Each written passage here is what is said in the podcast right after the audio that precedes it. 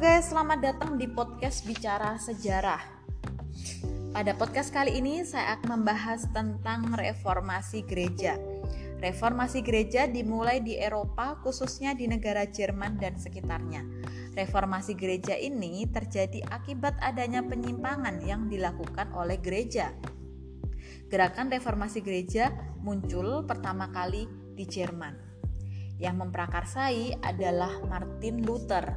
Saya akan membahas latar belakang sejarah dari 95 tesis atau 95 dalil yang dikeluarkan oleh Martin Luther dalam rangka memprotes gereja pada waktu itu.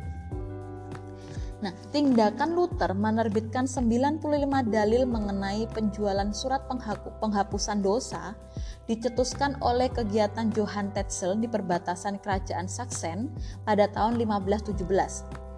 Namun sebenarnya dalam gereja barat penghapusan hukuman ini sudah lama menjadi masalah. Masalah ini merupakan salah satu hasil timbulnya kebiasaan melakukan pengakuan dosa mula-mula sebagai perbuatan spontan yang sukarela di hadapan sesama orang percaya, kemudian secara teratur di hadapan seorang imam sebagai sakramen yang wajib dipraktekkan. Kebiasaan tersebut lahir di kalangan para biarawan di bagian timur Kekaisaran Romawi dan dalam abad keempat Basilius Agung Uskup Kaisarea menyuruh para anggota kelompok biarawan yang ia pimpin agar setiap malam saling mengaku dosanya dan agar kemudian masing-masing menetapkan apa yang harus dilakukan temannya untuk menunjukkan penyesalan atas dosa itu. Kebiasaan itu meluas ke kalangan warga jemaat dan diterima juga di Eropa Barat. Mula-mula, pengakuan dosa bukan perbuatan wajib dan boleh dilakukan terhadap seorang warga, bukan imam. Akan tetapi pada tahun 1215 konsili Lateran 4 mengatur prakteknya, yaitu semua warga wajib melakukan pengakuan dosa paling tidak satu kali setahun di depan seorang imam. Hanya imam itu juga yang berwenang mengucapkan rumus pengampunan dan menetapkan hukuman yang harus mereka tanggung karena dosanya. Dalam menetapkan hukuman, imam memakai buku yang mengandung daftar dosa bersama hukuman harus dikenakan kepada pelakunya. Sementara itu, berkembanglah juga teologi pengakuan dosa. Pengakuan iman ini mencakup empat unsur yaitu penyesalan yang sungguh-sungguh di hati, pengakuan iman dengan mulut, pernyataan pengampunan, dan pelaksanaan perbuatan tertentu yang diwajibkan oleh imam agar orangnya dapat membuktikan kesungguhan dan penyesalannya kepada Allah. Lama-lama, kemudian tercipta kemungkinan untuk melunasi hukuman dengan membayar sejumlah uang kepada perbendaraan gereja atau paroki. Berdasarkan pembayaran itu, hukuman atau sebagian hukuman itu dihapuskan.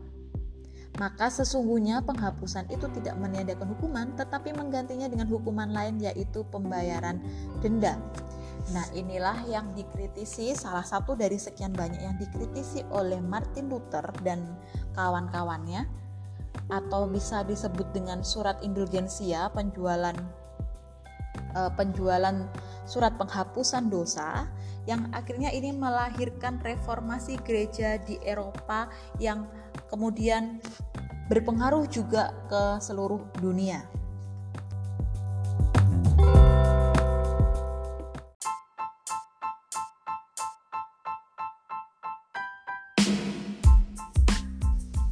Berikut adalah pemikiran tokoh-tokoh reformasi gereja. Yang pertama tentunya Martin Luther. Martin Luther adalah pemimpin terkemuka gerakan keagamaan yang disebut reformasi protestan. Gerakan reformasi protestan merupakan cikal bakal terbentuknya beberapa sekte protestan.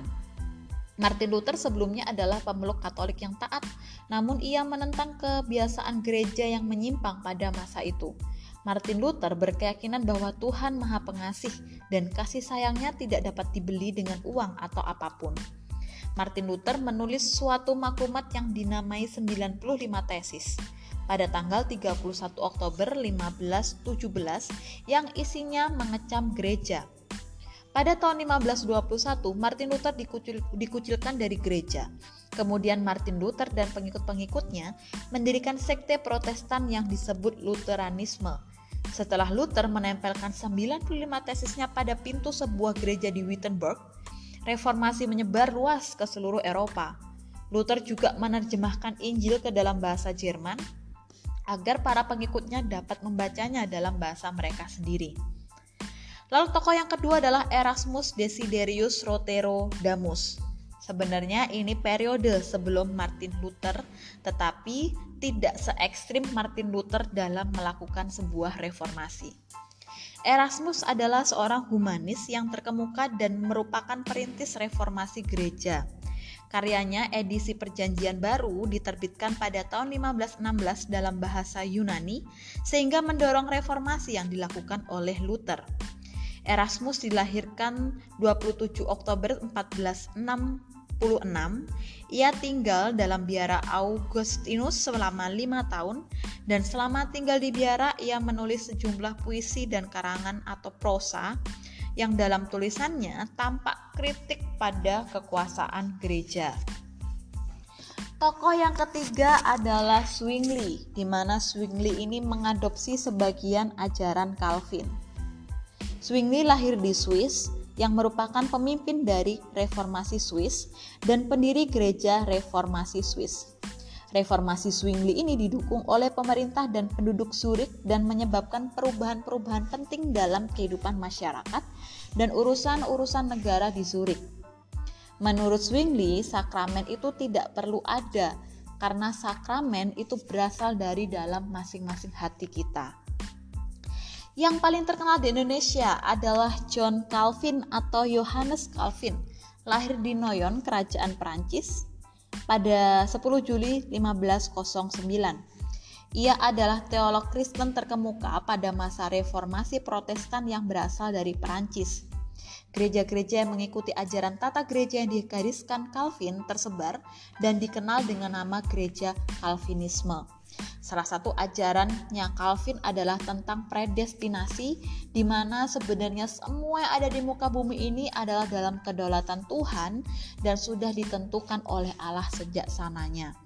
Tapi sebenarnya tidak ada gereja yang benar-benar secara terang-terangan mengakui bahwa dirinya adalah gereja Calvinis. Di Indonesia sendiri banyak sekali gereja beraliran Calvinis. Kenapa bisa seperti itu? Karena salah satu penyebabnya adalah salah satu penyebar agama Kristen merupakan negara Belanda, sedangkan Belanda ini negara yang beraliran Calvinis. Lalu yang kelima adalah John Knox. John Knox ini lahir pada tahun 1513 di Haddington. Ia belajar di Universitas Santo Andrew, lalu ditahbiskan menjadi imam Katolik pada 1536 dan menjadi seorang notaris kepausan tahun 1540. Ia adalah salah satu seorang tokoh yang mempengaruhi gerakan reformasi di Skotlandia dan ia merupakan salah satu murid dari Calvin sehingga pengaruh teologi Calvinis itu sangat kental dalam dirinya. Yang terakhir adalah John Wycliffe yang dikatakan sebagai penginspirasi atau inspirator dari seorang Martin Luther. Lahir pada tahun 1324, seorang pengajar di Universitas Oxford, Inggris, yang dikenal sebagai filsuf, teolog, pengkhotbah, penerjemah, dan tokoh reformasi Kristen di Inggris. Ia dikenal melalui karyanya menerjemahkan Alkitab dari bahasa Latin ke bahasa Inggris pada tahun 1382 yang dikenal sebagai Alkitab Wycliffe.